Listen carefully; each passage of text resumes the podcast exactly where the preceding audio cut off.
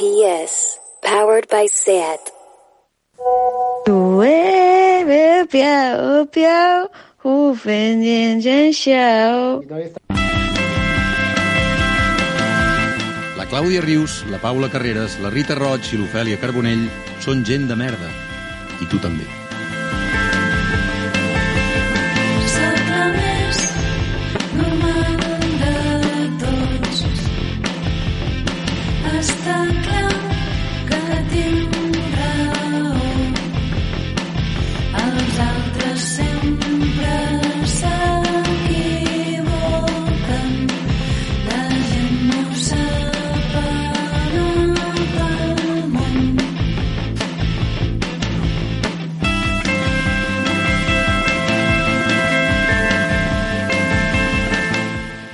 Paula, bon dia. Bon dia, Clàudia. Rita, bona tarda. Bona tarda. Ofèlia, bona nit. Bona nit. Bon dia, bona tarda, bona nit. Tant se val quan escolteu això perquè qualsevol moment és bo per pensar en la resposta a aquesta pregunta. Què tenen en comú els submarins, els xupa-xups, les pastilles Joanola, els telescopis, les tenores i la vacuna contra el còlera? Doncs que tots són coses inventades per catalans i d'això parlarem avui, de gent que pensa, de gent que crea, gent que ens encanta i que ens dona una mica de fe sobretot respecte a la immobilitat de certs sectors com el polític, que sembla que han entrat en bucle i que d'allà no els traurà ningú. Però és que per sortir dels bucles calen cares noves, idees actualitzades, gent que pensi fora dels límits del grup i això existeix i els altres sectors ho demostren. Ja sabeu que cada setmana recomanem una web de la Fundació.cat, la casa dels catalanoparlants a internet, i avui destaquem la web uniricat.cat, una web que ven productes de disseny català. Hi ha, per exemple, un càntir preciós dissenyat per André Ricard o el calendari de Vinson 2021 que segueix el disseny que va fer fa anys Amèrica Sánchez, entre altres coses. La web es diu uniricat.cat i que per, per què parlem d'això? Ara ho descobrirem. Paula, quina és l'última persona que has estalquejat? Doncs és una persona que tu un dia, Clàudia, ens vas enviar una nota de veu al grup de WhatsApp de gent de merda flipant amb aquest tio i vam dir, vale, doncs l'hem de portar. L'estalquejada a la cara. Quan en un jardí d'amor neix una divina flor, una rosa, rosa, Ignasi Plaza, què tal, com estàs? Hola, què tal? Bona tarda. Escolta, la Clàudia va flipar un dia amb tu, veu coincidir al Museu del Disseny. Uh -huh. Què, què hi feies al Museu del Disseny? Perquè la Clàudia estava treballant, perquè està tot el dia de museus treballant, però tu què hi feies? Just bueno, s'inaugurava una, una exposició sobre el, el, les eines que han ajudat durant el Covid i que han sigut una mica eines com de, de, de sortir del pas per intentar pal·liar la crisi. No? I nosaltres just presentàvem unes peces que, que vam donar al museu, que abans no eren peces i eren uns aparells que havíem fet en, com havíem pogut. L'exposició es diu Emergència, dissenys contra la Covid-19 i reuneix doncs, això, productes que s'han creat, però també disseny gràfic, coses que s'han dissenyat durant la Covid. Perquè, exactament, perquè la gent sàpiga qui ets i, i t'ubiqui una mica, tu a què et dediques? Què fas? Bueno, jo tinc una empresa ens dediquem a fer invents. Quan algú se li acut una idea i no sap com portar-la al mercat i és un aparell tecnològic, doncs ens ve a nosaltres, ens ho explica i l'ajudem a fer a fabricar-ho, no? construir-ho i, que, i que tingui sentit doncs, tota la solució. que de fet, una de les coses que has inventat fa poc, fa relativament poc, i que és una de les coses que la Clàudia en parla al seu article de Núvol, és un respirador eh, just creat dos dies després de, de nosaltres saber que estàvem en plena pandèmia. Llavors, com va anar tot això? Bueno, és un respirador d'emergència, això vol dir que és com un respirador però en cutre. Aleshores, Vale. el, el, el tema és que nosaltres, quan, just quan va començar el, tot el tema del confinament, ens vam donar compte que la cosa anava en sèrio, és a dir, no, no ens esperàvem, i vam dir, bueno, com que estarem parats i no podrem treballar, aviam si som capaços de fer alguna cosa. És molt, és molt fort, perquè jo estava baixant-me els cims aquest dia. I allà, en plan, vaig a fer un respirador. I, a més, som gent que ens costa molt estar tancats a casa, i llavors vam dir, "Buah, això no sabem fins quan estarem tancats aquí, o ens posem i ens espavilem i fem alguna cosa, o estarem els següents tres mesos tancats sense poder sortir, no? I, i ens vam liar aviam què podíem fer, i va sortir la, la idea del respirador, perquè veiem que a Itàlia havia tingut molt problema amb tot això. Clar, o sigui, vosaltres... El, eh, o sigui, nosaltres ens tanquen aquí, però ja se sabia una mica la situació que estava passant a Itàlia, encara que molts no ens ho preníem seriosament, no? Com sempre, fins que no et toca de prop. I vosaltres sí que us veu prendre seriosament el que estava passant a Itàlia. No, en absolut. De fet, va ser a, a partir del dia que va ser, vale, demà eh, els nens ja no poden anar al col·le, em sembla que era el divendres, Sí. primer que van dir Sí. no poden anar al col·le, o és un dels que traiem nosaltres, va dir, jo demà no podré venir perquè vaig a quedar amb els nens a casa, no? Clar. I va ser com, hòstia, què fem? I ja vam començar a dir, vale, la cosa que semblava com les vaques loques o la grip aviar que mai arribaria, doncs va en sèrio. Mirem si fem alguna cosa que puguem publicar a internet, que si va en sèrio, doncs igual algú podrà aprofitar en algun lloc i ho podrà fer servir o el que sigui. Clar. I llavors, com el veu fer, el prototip de- d'aquest respirador? Bueno, el primer que vam fer és buscar el que teníem més a mà i mirar què podíem fer. No? I vam veure que la part més difícil del respirador és podem donar aire sense fer-li mal a ningú. I us vam veure que les ambulàncies i a les UCIs tenen un aparell que es diu embu, que és una espècie com de globus de goma, que et posen davant de la boca i apreten i et dona aire a fent-ho amb la mà. I vam dir, pues, fem una cosa aquesta, li posem un motor, igual podem fer que doni aire eh, automàticament sense que hi hagi d'haver una persona. No? Que és que això, ho sento, perdó, però és que per què no existia abans? O sigui, és com... Sembla molt lògic, no? Que això sempre es fa amb la mà Clar, el, el tema és que això està pensat per una circumstància molt específica i en el Covid es dona que el temps que es fa servir un respirador això encaixa. És a dir, normalment el complicat és connectar i desconnectar algú de la màquina perquè fa falta com monitoritzar molt el pacient, mirar la saturació, mirar 30.000 paràmetres que són difícils d'obtenir. El, problema, el, el, el que passa és que entre mitges, que et connecten i et desconnecten, és la part que és fàcil de dir, doncs mira, només t'haig de donar aire, et mantinc, vaig monitoritzant i amb les altres màquines, si haig de tocar alguna cosa, doncs ho puc veure amb lo típic del pip, pip, de tot Vale. això, doncs ja puc saber-ho, no? Vale. I llavors, un cop teníeu com la idea, quan, quan la dueu a terme i quan la proveu amb algun pacient i, i descobriu que realment funciona i que va bé? Mira, nosaltres vam començar a treballar això el dia 14, justament. El dia 15 vam fer el primer prototip que ja més o menys semblava que funcionava, bueno, això donava voltes i, i anava, mm. i que vam fer la primera prova amb, amb, amb animals, que eren uns porcs que sedaven per fer aviam si podien respirar bé i tota la història, va sortir superbé. Em sembla que era el dia 20, i em sembla que el dia 23 o 24 es va fer la primera prova amb pacients. O sigui, vosaltres expliqueu que amb 17 dies veu crear 17 prototips, cada dia anàveu millorant l'anterior i amb 17 dies veu tenir la idea feta d'un respirador i la veu poder portar o després va acabar sent utilitzada en hospitals, no? Sí, el, el tema és que nosaltres, clar, eh, com que tenem que anar molt de pressa, doncs al final quan els hospitals ens van començar a fer cas perquè ja la cosa semblava que es començava a aguantar, doncs vam quedar a l'hospital i dèiem destrosseu-nos això, no? Què, què falla, què va malament? I tornàvem, ens ho portàvem, milloràvem i tornàvem el dia següent. Clar, perquè això t'anava a preguntar, vosaltres sou enginyers, no? Sí. I, i us, van, us van assessorar a nivell de... de com de, de... Des dels experts mèdics, Sí, no? Clar. Nosaltres al principi va ser Google, buscar, respirador, eh, a veure què surt a, a d'això, mirar vídeos, vam trobar uns manuals antics de com funcionaven, d'aquí vam treure bastanta informació i vam començar a trucar a tots els amics que són metges o infermers o el que sigui que estiguin a l'entorn mèdic, no? Vam trucar a tothom, hòstia, eh, Míriam, mira'm això, si plau, que no sé com va, no? I tothom vam intentar-los liar a poc a poc i ens donaven informació. Això és el que, una mica la investigació que fem normalment en qualsevol cosa, però molt per, per, per això d'aquí. I llavors, a poc a poc, vam anar liant a gent del sector industrial. Clar, perquè eh, vosaltres també expliqueu que quan, quan en el moment de fer el primer prototip ens tanquen i l'endemà ja teniu un primer prototip. I com, el- com l'heu fet, aquest primer prototip? Ah, bueno, el, el primer va ser, vam fer amb el que teníem a mà, perquè just havíem acabat un projecte, estàvem sense estoc de material, i bueno, ens feia falta algo que poguéssim fer proves, i vam dir, pues, ho farem en fusta, que és el més còmode, però no en teníem.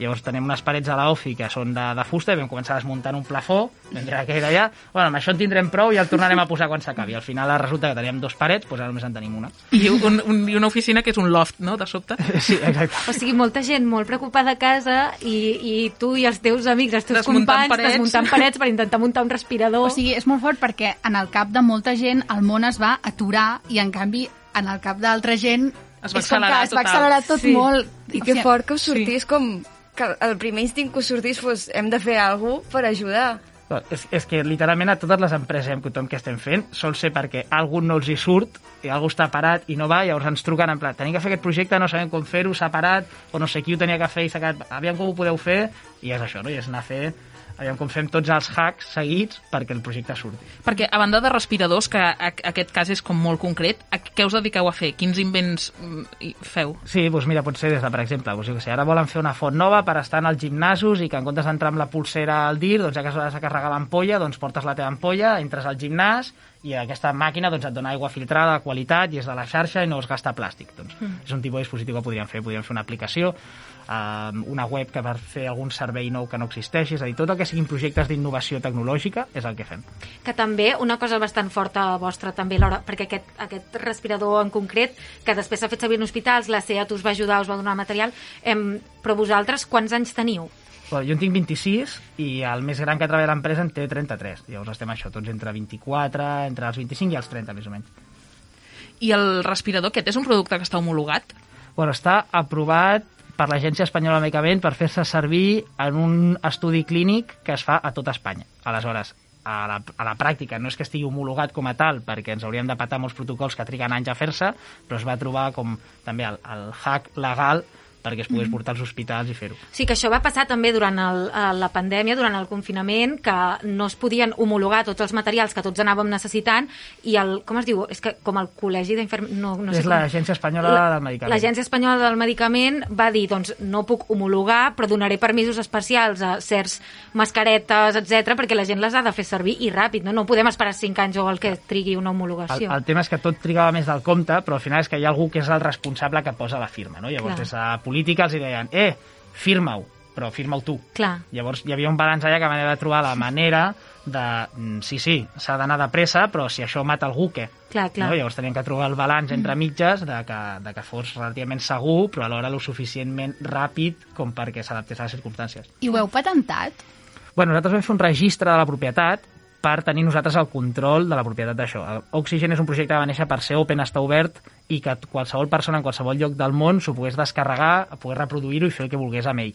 Vale? Aleshores, clar, si no teníem nosaltres el control, doncs podia venir algun llest entre mitges i dir, doncs ja ho registro jo, Clar. i d'això.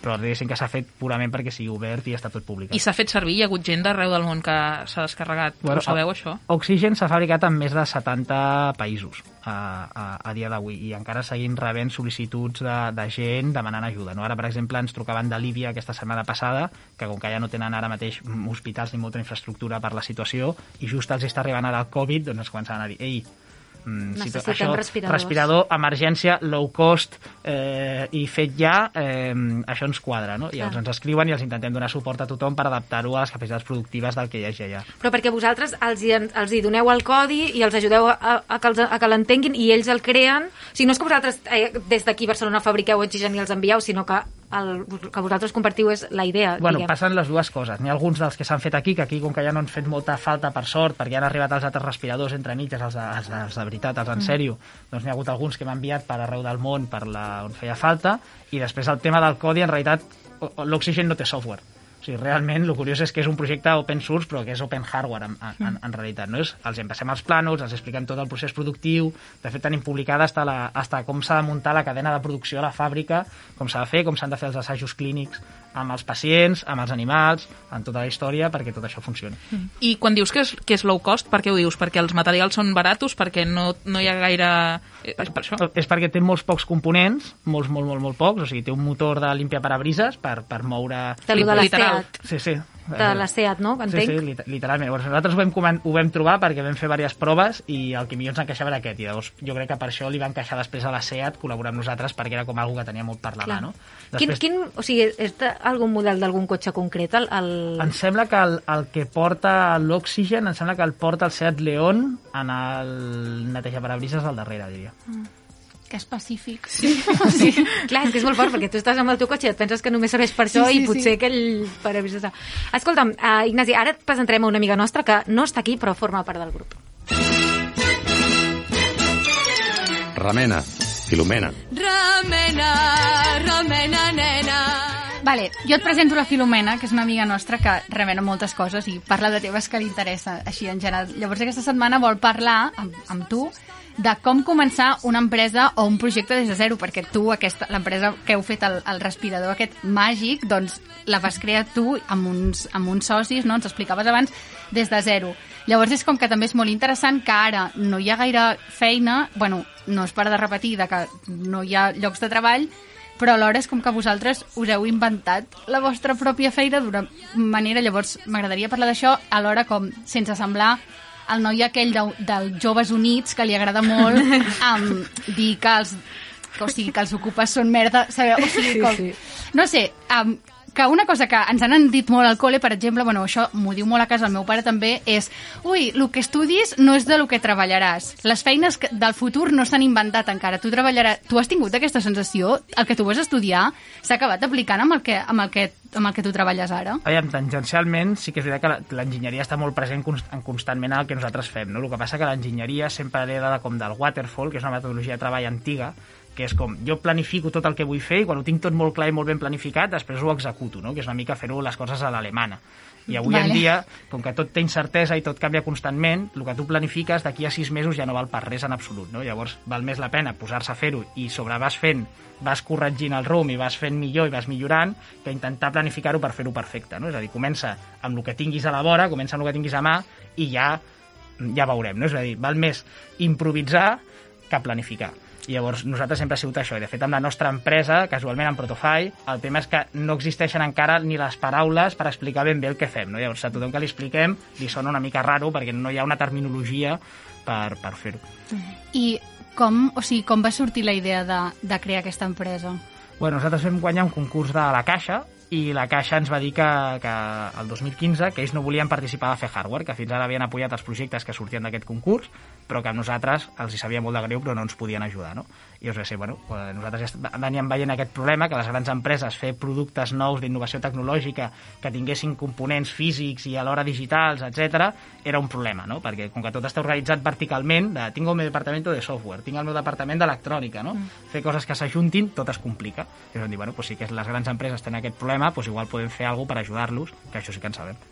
Clar, però llavors tu tens la idea per tenir un, un negoci i llavors quin és el següent pas? En plan, què fas? D'on treus el finançament? Com portes la idea a la pràctica? Bueno, jo començaria per la part que tinguis més a la mà. És a dir, si tu tens, si estàs més a prop de poder fer la solució tècnica, doncs començaria per la solució tècnica. Si tens més a mà el capital, doncs intentaria moure els calés. Si tens a la gent, doncs t'hi va de la gent que tinguis a la vora, no? que al final d'això. Després crec que els projectes són molt difícils fer-los sols. Aleshores, jo intentaria repenjar-me de seguida d'algú amb qui confis, encara que no sigui el millor, eh, en la mateixa línia, és a dir, comencem i ja veurem on ens porta, no? I, i, i començar per aquí. I llavors, a poc a poc, explicar-ho, donar-li llum i les coses quan tenen llum tenen volada. En el cas del respirador que vam fer, ningú ens feia cas, un periodista ens va escoltar, va publicar una notícia al diari i a partir d'allà va fer boom, no? Mm. Doncs va ser anar a la mateixa línia, tampoc esperàvem res més, no? Però... Mm -hmm. Perquè tu, quan, vas, quan vau començar l'empresa, estaves a la uni. Sí, sí, sí, sí, completament. Quan vaig començar l'empresa jo tenia 21 anys, crec, i, i bueno, doncs vam anar fent, llavors doncs, algú li va explicar la història de la gent, alguns contractava una mica i a poc a poc el boca orella va anar fent, va anar fent la resta, però fins ara no hem fet pràcticament cap tipus de publicitat ni hem sortit enlloc, no? Clar, però la uni ja és molta feina, o sigui, com feies totes aquestes coses... I més una enginyeria, no? Que Sí. m'ho imagino... Bueno, el que passa és que no feia molt la uni. Ens vam ficar a fer tot això i la uni es va quedar una mica més de banda i, i d'això, però al final d'algun lloc han de, sortir, han de sortir les hores. No? A més, pel nostre tipus de feina hem d'estar constantment coneixent gent nova, hem d'estar fora, hem d'estar voltant i una de, les, la, la, de fet la universitat es va quedar a mitges, no es va quedar pel camí. Clar, perquè abans comentaves que al final no vas acabar la carrera perquè ja estaves com molt posat en el món laboral i és com que no et sortia a compte.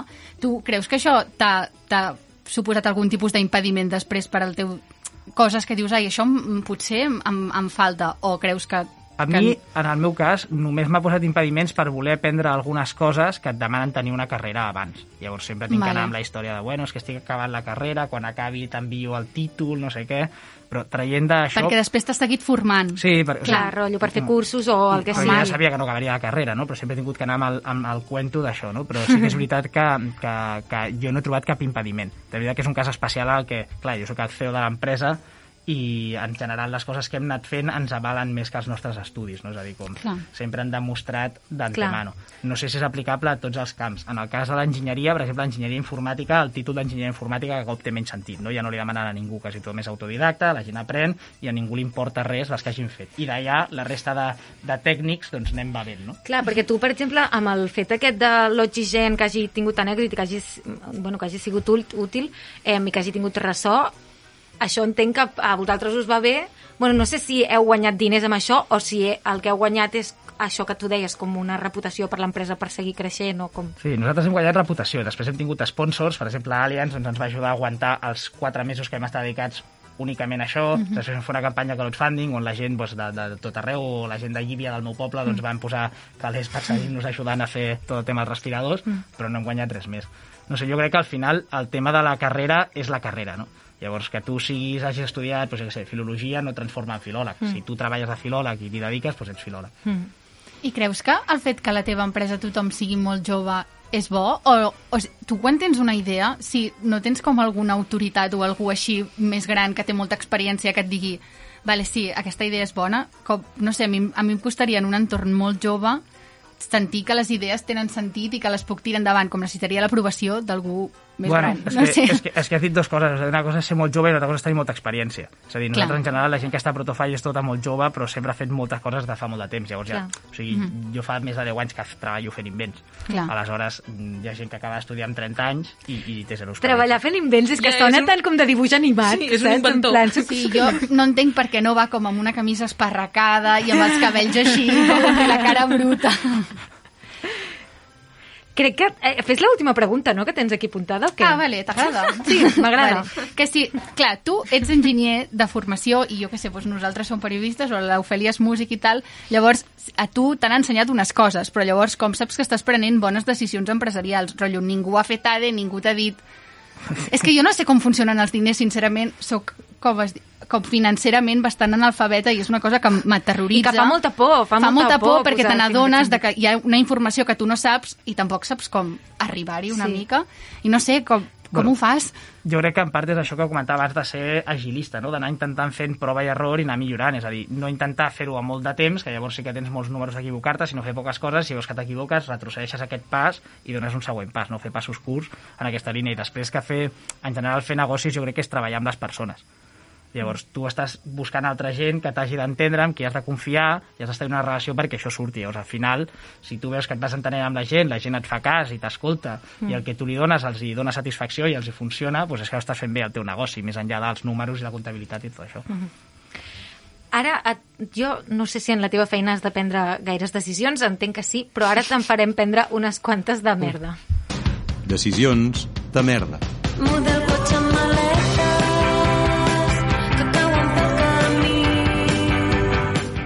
Bueno, val, jo pensava que l'última pregunta que faria la Rita seria per què no es poden imprimir més diners o alguna cosa així. És la meva pregunta preferida, però no, no necessitem agobiar la gent tant. No, val, jo, la meva secció normalment són com jocs al voltant del tema de prendre decisions, però és que a mi em fascina molt el tema aquest de, de ser inventor i de, de crear coses perquè o has de ser com algú que, que, que s'avorreix molt, rotllo Homer Simpson en aquell episodi que vol inventar alguna cosa, o has de ser algú que et surt de dins com això que us va sortir en el confinament de ho hem de fer alguna cosa, i a mi em fascina perquè és veritat, la majoria estàvem al sofà plorant i, i van passar com tres mesos al sofà plorant mentre vosaltres havíeu fet això ja. Llavors, jo vull aprofitar que et tinc aquí per parlar d'invents que jo vull saber si realment els va fer gent amb vocació d'ajudar o, o et sembla que potser van ser una mica de... Que van empitjorar. Que, sí, sí, que potser no era tant per ajudar i era més per fer-se els guais. Val.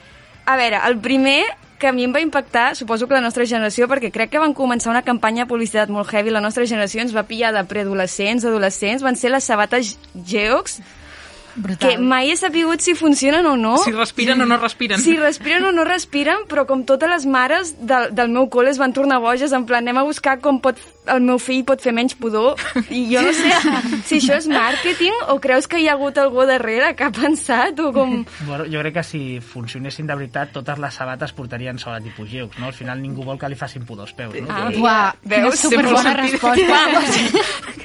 Adéu, Vale, vale. Geox. Igual tenen una patent, eh? O alguna i no pots fer ningú més, però... Pot ser. Ja, no, no sé, és que no, jo O tampoc sigui, m'ho era, era molt, tipus, el meu fill, que clarament juga en un sorral enfangat, que es posi unes sabates amb forats. I aquesta va ser la decisió. Jo de... m'imagino més com dels típics tios mm, que juguen a bàsquet i suen molt. T'anava a dir, no sé si és, gai- si és gaire evitable que als adolescents els hi facin pudor als peus, no? Clar, no Els, sé. els crocs funcionen i tothom porta crocs, no? O jo què sé. Ja. Quan un invent Ja. funciona de veritat, la gent el fa servir i es copia encara que no es pugui, no sé. Clar. Però durant un temps Geox va ser molt per nens i després va passar a ser de mares, rotllo. Ara només Sí, ho porten ara mares. ho porten adults. Potser eren les mateixes mares. Que, que ja els seus fills s'han fet grans i es posen ells les Geox. Vale, doncs, llavors, pel segon tema és la fregona, perquè sempre que es parlen d'invents, a Espanya a nivell estatal surt la fregona de que es va posar el pal, igual que el xupa-xups que es va posar el pal, i jo aquí volia comentar perquè tenim un moment bilbeny, perquè la Rita va dir que no és espanyola, que la fregona és de Terrassa. Sí, Vale. és molt fort. O sigui, la, la, la fragona, que a Terrassa li diem la Mary, o sigui, a Terrassa la gent, quan la fragona és la Mary, vale? i això és perquè hi havia un senyor de Terrassa que es veu que era com ferreter o no sé què i treballava com amb coses de fàbriques um, que van a Anglaterra i allà va veure que um, hi havia senyores que agafaven un pal i com el lligaven així de manera... O sigui, era una cosa com cultural d'allà. I va dir, vale, doncs jo faré un invent. I l'invent no només era la fragona i el pal, sinó la fragona, el pal i l'escorredor. Com la triologia aquesta perquè les dones no s'haguessin d'ajupir en cap moment mentre es netejaven. I després ho, ho va popularitzar i van fer uns anuncis amb una actriu que es deia Mary no sé què, ara no me'n recordo del De nom. Sant Pere. Això, vale, perdó, és que jo, jo què sé, Sí, jo sí, soc sí, no, no. molt ignorant. Però, i llavors es veu que, que la gent de Terrassa, com que coneixia el senyor i tal, i la germana del senyor també es deia Maria o així, van començar com a fer broma i ara a Terrassa, a la Fragona, se li diu Mary, i la Mary és un invent català i visca, vull dir, segurament va, va contribuir al patriarcat, però també va contribuir a que les dones tinguessin menys mal Menys mal d'esquena. És que que jo no això- sé què m'afecta més realment, si el patriarcat o el mal d'esquena, si ens posem com a pensar-ho. Però és que això és una mica el que... Perquè, clar, jo, jo abans he preguntat eh, per, què no estava, o sigui, per què no estava inventat que, que fos elèctric un respirador d'aquests, no? Ai, bueno, elèctric, no sé com es diu. Em, em, clar, que de vegades els millors invents són la xorrada, més, o sigui, com la cosa més lògica, més petita, més... No, perquè una fragona, ja veus, tampoc és com... No t'hi has de trencar gaire el cap, però és que és superútil. Però el tema és que els invents algú els ha de portar al mercat. Algú els ha de fer que funcionin del tot, no? I funcionar vol dir que s'ha de vendre, té que tenir un preu a, a, a, adequat i no sé què, no? Hi havia aquestes senyores a Anglaterra que ja lligaven un drap Ja. al pal, no? Però aquest Sí. igual va ser el conjunt de ficar a l'escorredor, més el no sé què, més l'anunci amb, amb la Mary, més tota la història que Ja. va fer que funcionés en global i arribés a ser la fragona Clar, que jo el avui, que no? havia llegit és que allà la gent no... O sigui, ara potser m'equivoco, però l'article que vaig llegir de Terrassa era en plan, no, sí, Anglaterra ho feien servir, però no era l'invent. Clar, no o sigui, no- però sí que no- existia i segurament s'ho van inventar allà, no? Clar. Però la persona que ho va inventar en realitat és la persona que ho va posar tot Coi- junt i va dir, això és un producte. Clar. Són aquestes tres coses. O sigui, tu no, no només has de tenir la idea, sinó que t'has d'inventar el sistema, la manera de sistem- sistematitzar aquesta idea, no?, perquè funcioni. Bueno, és, que, és que invents n'hi ha molts i idees n'hi ha moltíssimes. El problema està en fer que funcionin, és a dir, que arribin al mercat, que la gent les entengui, que es puguin fer servir, tota la història. Clar. No? Nokia tenia tota la tecnologia per fer un smartphone. I ara ja no hi és, no? Ja no està Nokia, no? Pues, Ja. pues el mateix, i es van dir, això la gent no ho entendrà, no servirà, no?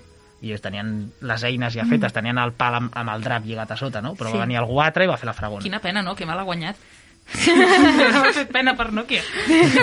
Jo tenia una profe al col·le de tecnologia que un cop ens va dir una cosa que se'm va quedar gravada per sempre perquè vaig pensar, uau, és que clar, la gent deia, si tu fas un invent tipus una rentadora, tu fes-la tres vegades més gran del que realment tu has inventat perquè així després pots anar traient actualitzacions més petites que ocupin menys a casa i la gent anirà comprant i pensava, uf, el capitalisme. O sigui, sí, sí. Clar, vosaltres, o sigui, perquè a l'hora de fer aquest model, que- aquests 17 models que vau fer, prototips fins a arribar al de Llonsis, què s'hi afegia, què s'hi treia? O sigui, saps què, què era el, el que... Bueno, pues, per exemple, el primer que era de fusta, no? pues fusta i un hospital, en un hospital amb un virus que ningú sap ben bé com es propaga, pues, com que no fa molt bona combinació Ah. ja intuïtivament. No? Pues el primer, que el següent que fos de matraquilat, perquè era el següent que teníem més fàcil per fabricar, però no per res més. No? Després que tingui una alarma, després que en comptes de funcionar durant dues hores abans de que s'afluixin els cargols, doncs que funcioni cinc hores Clar. abans de que s'afluixin. No? Uh, que et sigui fàcil de netejar, que sigui fàcil de moure, que no tingui una arista perquè no sé qui es pugui tallar, que tingui una tapa que quan l'obris pari de funcionar perquè no s'enganxi la bata del metge amb la cosa que gira Clar. i es pugui fer mal. No? I Tot quan aquest el dones per acabat? Perquè, clar, es poden anar millorant sempre, no, això, les passa, coses? això passa en tots els projectes. Normalment és quan entre el pas que estàs ara i el següent hi ha molt poca incertesa, és dir, la millora és molt baixa però el cost és molt alt. Ah, clar, ben pensat. Bueno, jo ara, per última pregunta, jo et volia, perquè a mi em segueix fascinant el tema aquest vocacional de vaig a buscar la manera que, de millorar la vida d'algú, que és, a tu hi va haver algun invent que et va fer pensar vull dedicar-me a buscar, a inventar coses? Bueno, no sé, jo de, de, de petita el meu pare sempre estava fent invents i teníem taller a casa, no? El meu pare sempre feia coses en fusta i sempre estava allà pues, intentant robar-li el taladro i fer algun forat a algun lloc o alguna cosa així. I, I no sé, de veure el Doraemon, m'imagino que va que ve tot. Anava a dir, abans com ho han dit, que semblava dibuixos, jo anava a dir els invents del Doraemon. Pues tal qual, jo crec que de veure això i de veure que hi havia gent, no? Pues, hòstia, pues mira, que algú havia fet aquests invents que portava el Doraemon a la butxaca i que d'allà podies fer el que, el que li vingués de gust, pues deia, hòstia, això és algú que ho ha fet, no? I a mi Perquè és- m'agradava pensar fer-ho. És possible el casquet volador? Ui, O sigui, és, és possible físicament? Bueno, que ens ho digui ell. pi- pinta malament. Pinta malament. Pinta malament. És que potser no l'han fet perquè ningú ha juntat les coses i ha fet l'anunci amb la Mary Sant Pere. Jo Però sé, per saber. qüestió de pes, no? De que Bueno, no, tal, tal com és el casquet volador, com està pintat en el dibuix, és molt complicat ara, sobretot per, per com fiques l'energia per fer que voli, no? Clar, només la bateria que et fa Clar. falta ja pesa una animalada clar, i clar. es passa com... L'has de portar a algun lloc dintre del, del Ah. casc. Clar, clar. O, o ja portar-lo com dins del cos amb tot el que, saps? Com que tots els representa que el futur és que tots portarem molts xips. Tots serem ciborgs. D'allò, no sé. No? Podria ser. I ara esteu treballant amb alguna cosa? Teniu com així algun projecte en ment? O, o seguiu movent l'oxigen? O... Bueno, a l'oxigen està més a- calmat i llavors seguim els projectes amb els clients. Llavors fem, fem, bueno, estem preparant uns sistemes eh, per aigües de Barcelona i de més, que sortiran al mercat d'aquí poc. Mm. Um, després també estem fent un sistema de pàrquing de motos perquè no et robin la moto al carrer. Ah, mira, molt interessant. I, i, i puguis tenir la moto, arribis, puguis aparcar i de més. No? Però allò al, al bicing. Sí, exacte. Al final ara a les ciutats el que passa molt és que està transformant en un parc de serveis, no? Llavors Mm. hi ha moltes coses per les que pots pagar molt poc però et donen un servei molt gran, no? És el que estan intentant fer. Doncs hi ha una guai. gent que se li ha acudit fer aquest sistema de pàrquing Ah, de motos. guai. Estem treballant amb això, també estem fent un, treballant un sistema d'una aplicació d'alimentació animal perquè la gent sigui conscient del que mengen les seves mascotes i com ho fan, tota aquesta història. pues això a, Cal, a Cals Roig Peregrina ens interessa. Tenim un gat obès. Escolta'm, eh, Ignasi, que, o sigui, que quedi clar com us dieu i on us poden seguir, o que fes, ven- venta una mica, ven, ven la marca. Bueno, nosaltres som Protofy, ens podeu trobar a protofy.xyz i a Instagram. Què vol dir XYZ? És com el codi obert? O, És, és un domini i que té com una mica allò dels eixos cartesians no? i tot el rotllo aquest tecnològic. De fet, és un domini que va posar de moda Google Vale. perquè l'empresa mare de Google es diu Alphabet i el seu domini Vale. és abc.xyz. Llavors Vale. té, té la gràcia aquesta com de que tenen tot l'abecedari entre mitges Vale, i tal, vale, i vale. les empreses tequis, friquis, com nosaltres, pues, tenen, fan servir el punt XYZ per, Vale. per donar-se a conèixer. O sigui, protofy.xyz. Sí. Molt bé. Doncs moltes gràcies per venir. Ens ha agradat molt i ens flipen molt aquestes coses. I que els inventors, tipus, existeixin de veritat i no només a les pel·lis, és una cosa que a mi em flipa bastant.